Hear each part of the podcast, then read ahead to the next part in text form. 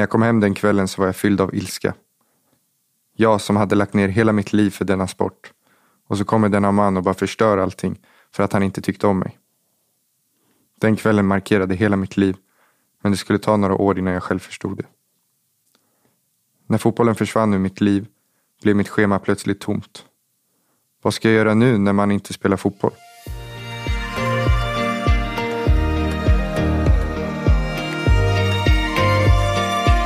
Här är Wow Community Podcast. Alla har en story med Kalle Lundell.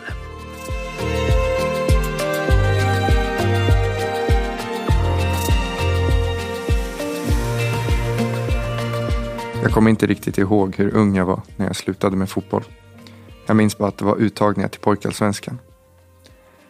Jag visste att jag var utan tvekan tillräckligt bra för att komma in i laget, så jag tänkte detta blir en dans på rosor. Men jag märkte tidigt att tränaren hade något personligt mot mig. Jag presterade väldigt bra på de träningarna men kände ändå att tränaren inte brydde sig om det jag gjorde. Jag var den första spelaren som blev kickad. Det ser ut som att du inte anstränger dig. Det var den enda förklaringen jag fick. När jag kom hem den kvällen så var jag fylld av ilska. Jag som hade lagt ner hela mitt liv för denna sport. Och så kommer denna man och bara förstör allting för att han inte tyckte om mig. Den kvällen markerade hela mitt liv, men det skulle ta några år innan jag själv förstod det. När fotbollen försvann ur mitt liv blev mitt schema plötsligt tomt. Vad ska jag göra nu när man inte spelar fotboll? Fotbollen byttes ut till att hänga ute på kvällar med grabbarna samtidigt som jag försökte fylla det nya tomrummet i mitt liv som fotbollen en gång hade fyllt. Fotboll kan inte fylla ditt liv för alltid. Det kan inte heller alkohol, tobak och andra saker som jag vände mig till göra heller. Men det fattade jag inte då. Mitt namn är Kalle Lundell. Jag är 22, snart 23 år gammal och uppväxt i Sollentuna. Jag har bott i Sollentuna hela mitt liv tillsammans med mina tre småsyskon och mina föräldrar. Jag vill börja med att säga utan min familj hade jag inte varit någon idag. De har haft nåd med mig och älskat mig i stunder då jag absolut inte förtjänat att älskas. Hela mitt liv har jag varit vilse. Inte vetat vart någonstans jag passar in. Hemma med familjen stack jag ut och i många aspekter var jag nog det svarta fåret. Att umgås med familjen såg jag som en börda. Jag hängde hellre ute med grabbarna, där vi inte brydde oss om våra privata strider. För där var bara överlevnad en strid i sig själv. Detta ledde till att en period av mitt liv hade jag ingen relation med min egna familj. Idag skäms jag när jag tänker tillbaka på det. Känslan att inte passa in i sin egen familj är fruktansvärd och nog den största anledningen till att jag gått igenom och gjort mycket dumt i mitt liv.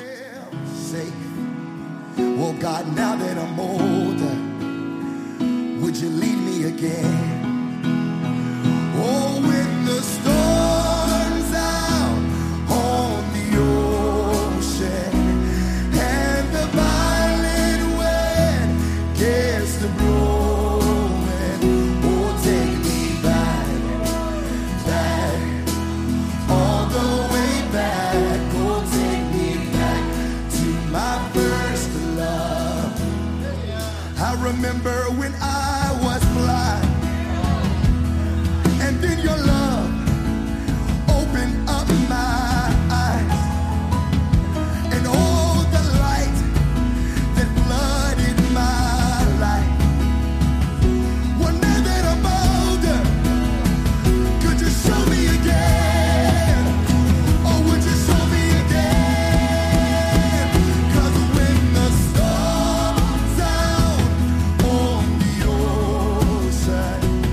var väldigt bråkig som ung.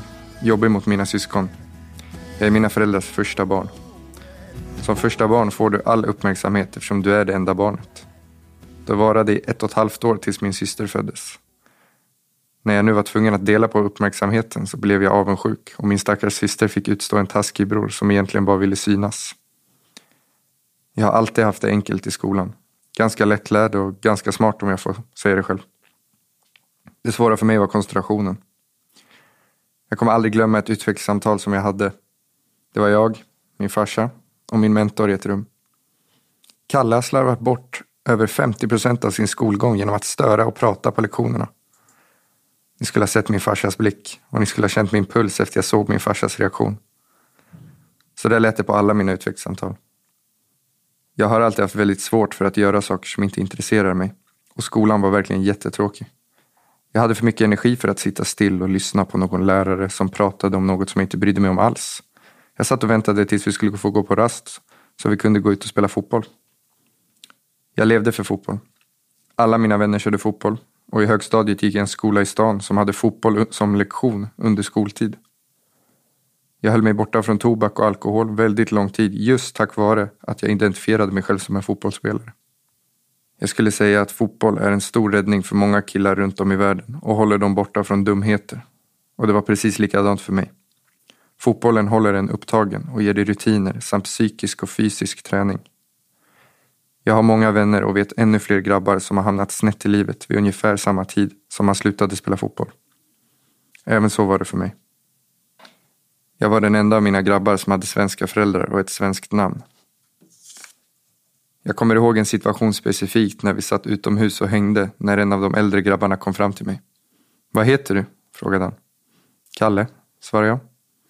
Det tog inte ens en sekund innan någon av mina vänner ropade Han heter Karl. Den äldre killen kollade på mig med en konstig blick och sa Karl? Det kan man inte heta. Från och med nu ska ni kalla honom för AK. För de som inte vet så är det ett automatvapen. Under hela min uppväxt har jag stött på många människor som blir förvånade över att en ljus, blond svensk som jag själv spenderar sin tid där. Jag är van med att folk blir förvånade och har inga problem alls med att svara på människors frågor eller förutfattade meningar. När jag började gymnasiet så började jag skolka, röka, dricka väldigt mycket och det hela blev ett väldigt destruktivt liv. För varje år på gymnasiet så blev allt värre. Om ettan var lite illa så var trean total knas. År tre på gymnasiet var nog den mörkaste perioden i mitt liv. Jag hade ingen motivation att leva alls. När jag var hemma så var jag endast i mitt rum, liggandes i min säng. Och om jag inte var hemma så var jag ute med grabbarna.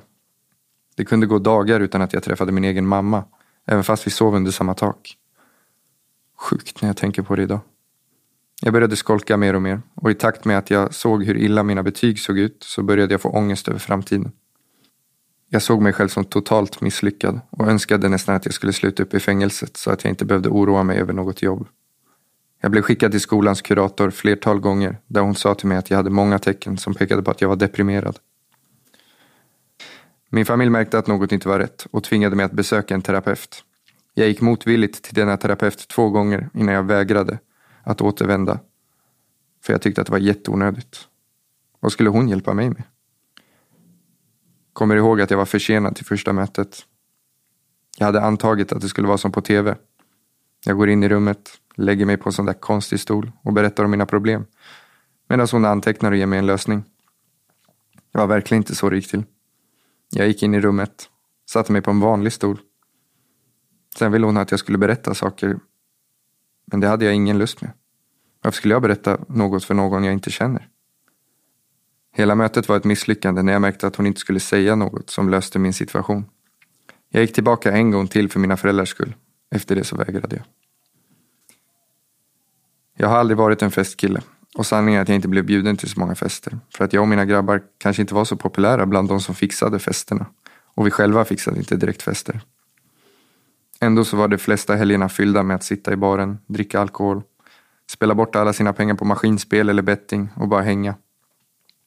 Jag hade nästan aldrig pengar för alla mina pengar som jag fick gick på alkohol och spel. Allt från poker, betting till maskin. Eftersom jag skämdes över denna livsstil för mina föräldrar så ljög jag otroligt mycket för dem och berättade aldrig sanningen om vad jag gjorde på dagarna. Min farsa kunde skriva att jag skulle komma hem men jag sa att jag inte kunde för jag stannade kvar i skolan och pluggade. Men sanningen var att jag var på väg till en annan förort för att slåss. Den kvällen var väldigt mörk. Den slutade med att jag skar upp min hand och torkade bort blodet i en smutsig vattenpöl i panik för jag hörde att polisen var på väg.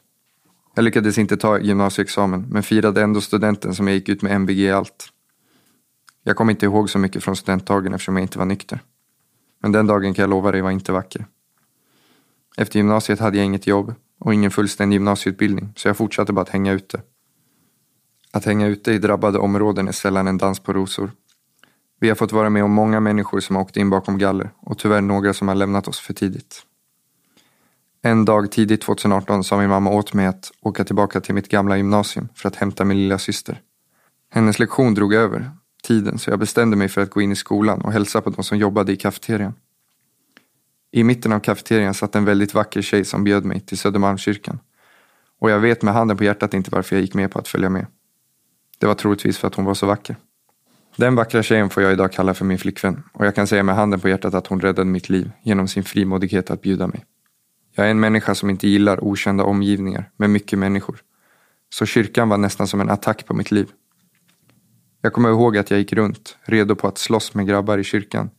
För jag var så van med att ingen ville varandra väl om man inte känner varandra. Så när massor av människor kom fram och hälsade på mig, som om de tyckte om mig, så blev jag konfronterad i mig själv. Efter det första mötet så bestämde jag mig för att fortsätta gå varje fredag. Det var enbart ett beslut och ingen känsla alls, för jag kände inte så mycket annat än det var nice. Jag kom in i cellgrupp efter ett tag där Paulus Abraha blev min ledare och han har varit det sedan den dagen. Utan Paulus hade jag aldrig varit där jag är idag.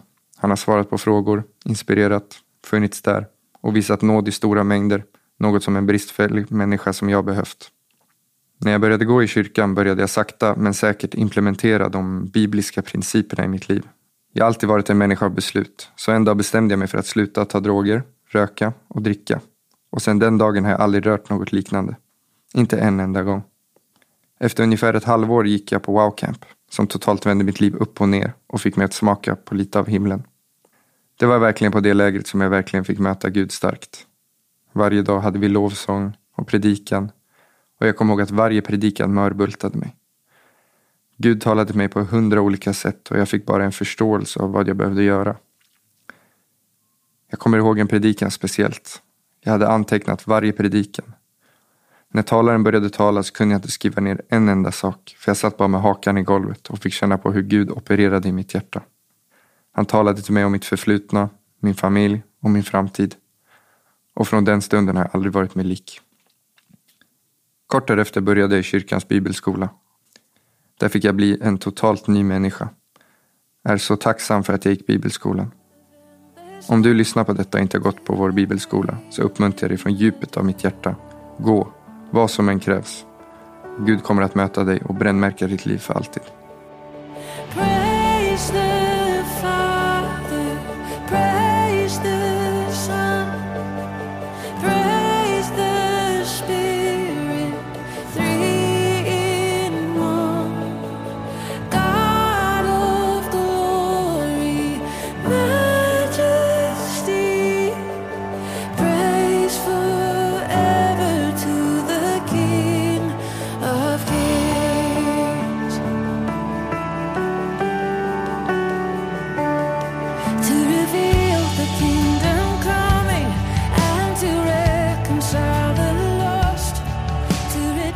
Sommaren innan jag mötte Gud åkte jag och några vänner till Grekland på semester för att fira att vi hade gått ut gymnasiet.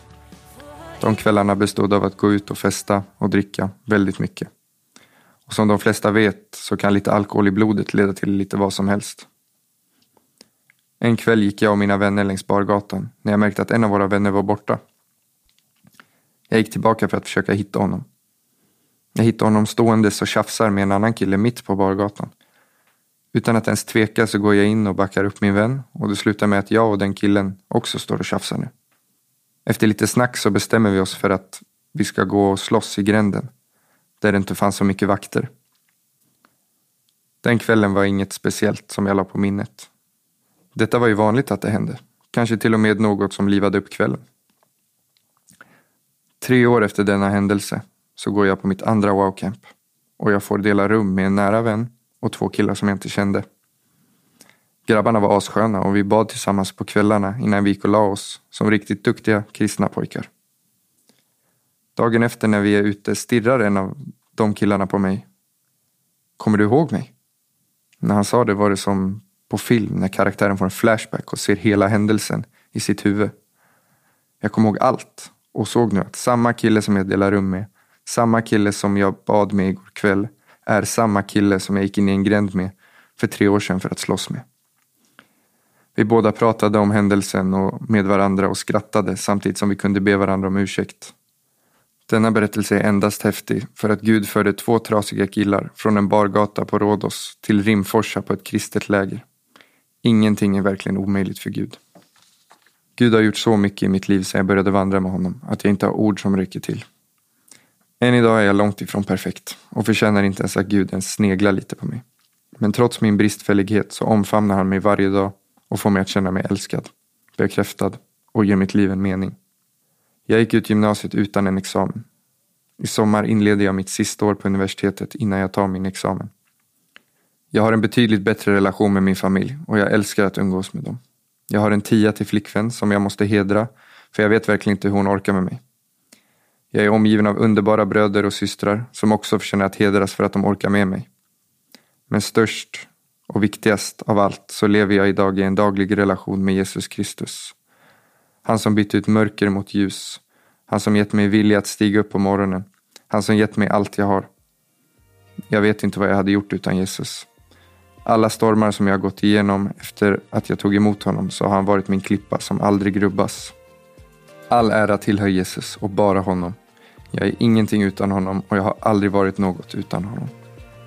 Nu drömmer jag om att leva för Gud på varje område i mitt liv. Gå klart min utbildning, skaffa mig ett bra jobb där jag kan hjälpa och påverka människor.